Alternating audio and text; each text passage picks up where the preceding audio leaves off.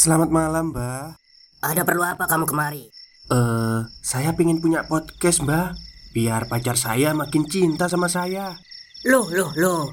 Mau bikin podcast kok tanya dukun? Sekarang kamu download aplikasi Anchor.fm. Di situ kamu bisa buat podcast gratis dan podcast kamu bisa didistribusikan ke platform mana pun. Dan di aplikasi atau website Anchor.fm juga terdapat fitur-fitur yang memudahkan kamu untuk membuat podcast. Oh, gitu ya, Mbak. Kalau gitu, saya boleh minta password wifi-nya, Mbak. Buat apa? Buat download Anchor.fm, Mbak.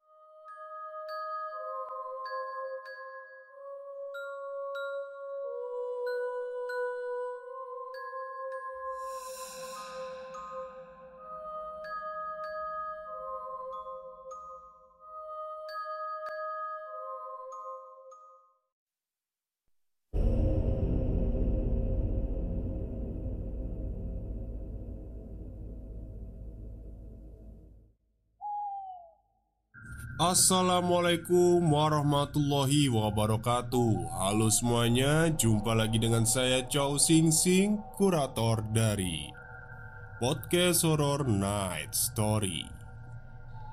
Halo, apa kabar semuanya? Semoga kalian semua sehat-sehat ya.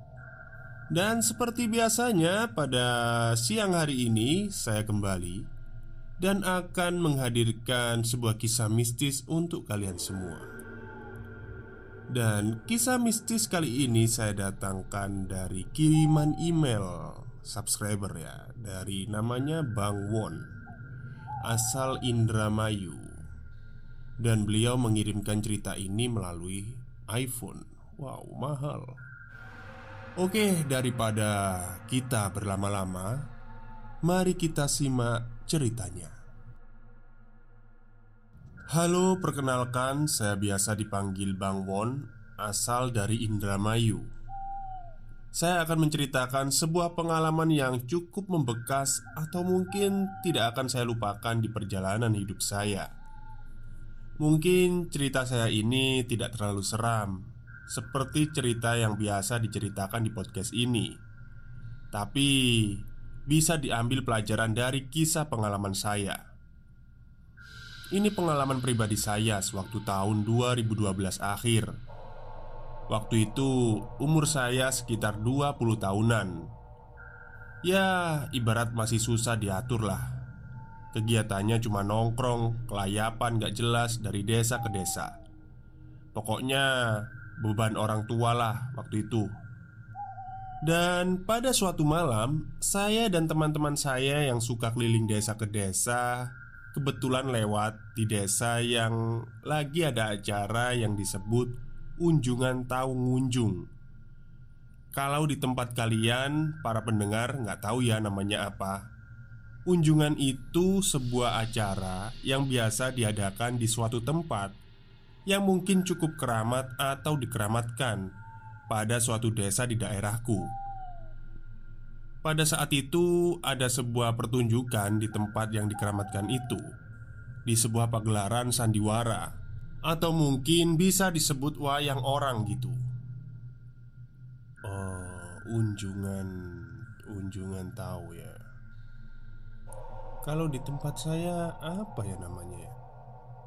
Masa ruatan desa? Nggak tahu ya namanya apa. Oke, kita lanjut. Nah, pada saat saya nonton sandiwara itu, saya biasanya cuma nunggu pas di bagian komedinya saja.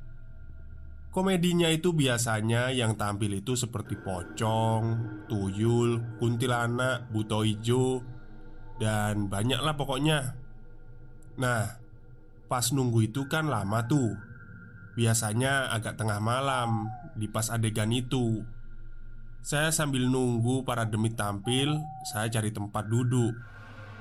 Oh iya, acara sandiwara ini tempatnya di suatu pemakaman umum di desa itu.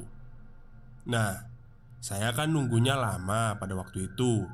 Terus cari tempat duduk susah. Ya, akhirnya saya duduk di sebuah batu nisan sebagai penanda arah kepala. Ya memang gak ada akhlak sih saya waktu itu Pas saya duduk, teman saya bilang, "Jangan duduk di situ."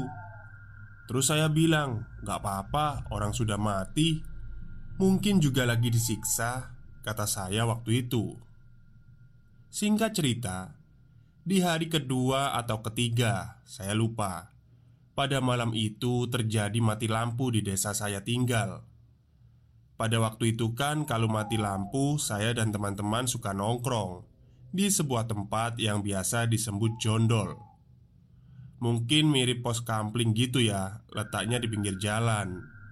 Nah, pas lagi asyik nongkrong, salah satu dari teman saya itu tiba-tiba pulang ke rumahnya. Saya dan teman-teman yang lain ya biasa aja pada malam itu.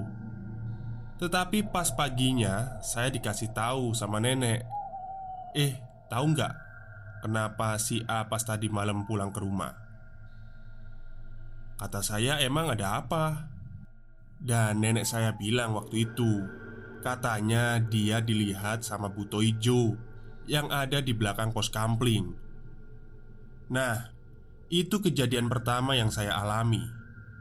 Terus dua hari setelah itu Saya kan biasa nongkrong itu. Kalau pulang itu malam sekitar jam 2 atau jam 3an lah. Pada malam itu nggak tahu pulang jam berapa. Pokoknya malam Kan biasa, saya kalau nongkrong suka bawa motor. Nah, pas malam itu Saya lagi gak bawa motor. Otomatis jalan pulang, jalan kaki. Pada saat malam itu agak takut juga Pulang ke rumah karena masih ingat ceritanya si A Yang lihat makhluk itu di jondol Nah, kebetulan rumah saya itu letaknya bisa dibilang di belakang jondol itu Pas saat itu, bulu kuduk saya otomatis merinding. Rumah saya itu letaknya mungkin 25 meter dari jalan. Stop, stop. Kita break sebentar. Jadi gimana? Kalian pengen punya podcast seperti saya? Jangan pakai dukun, pakai Anchor. Download sekarang juga. Gratis. Dalam artian, sebelum ke rumah ada sebuah tanah luas 25 meter sebelum sampai ke rumah.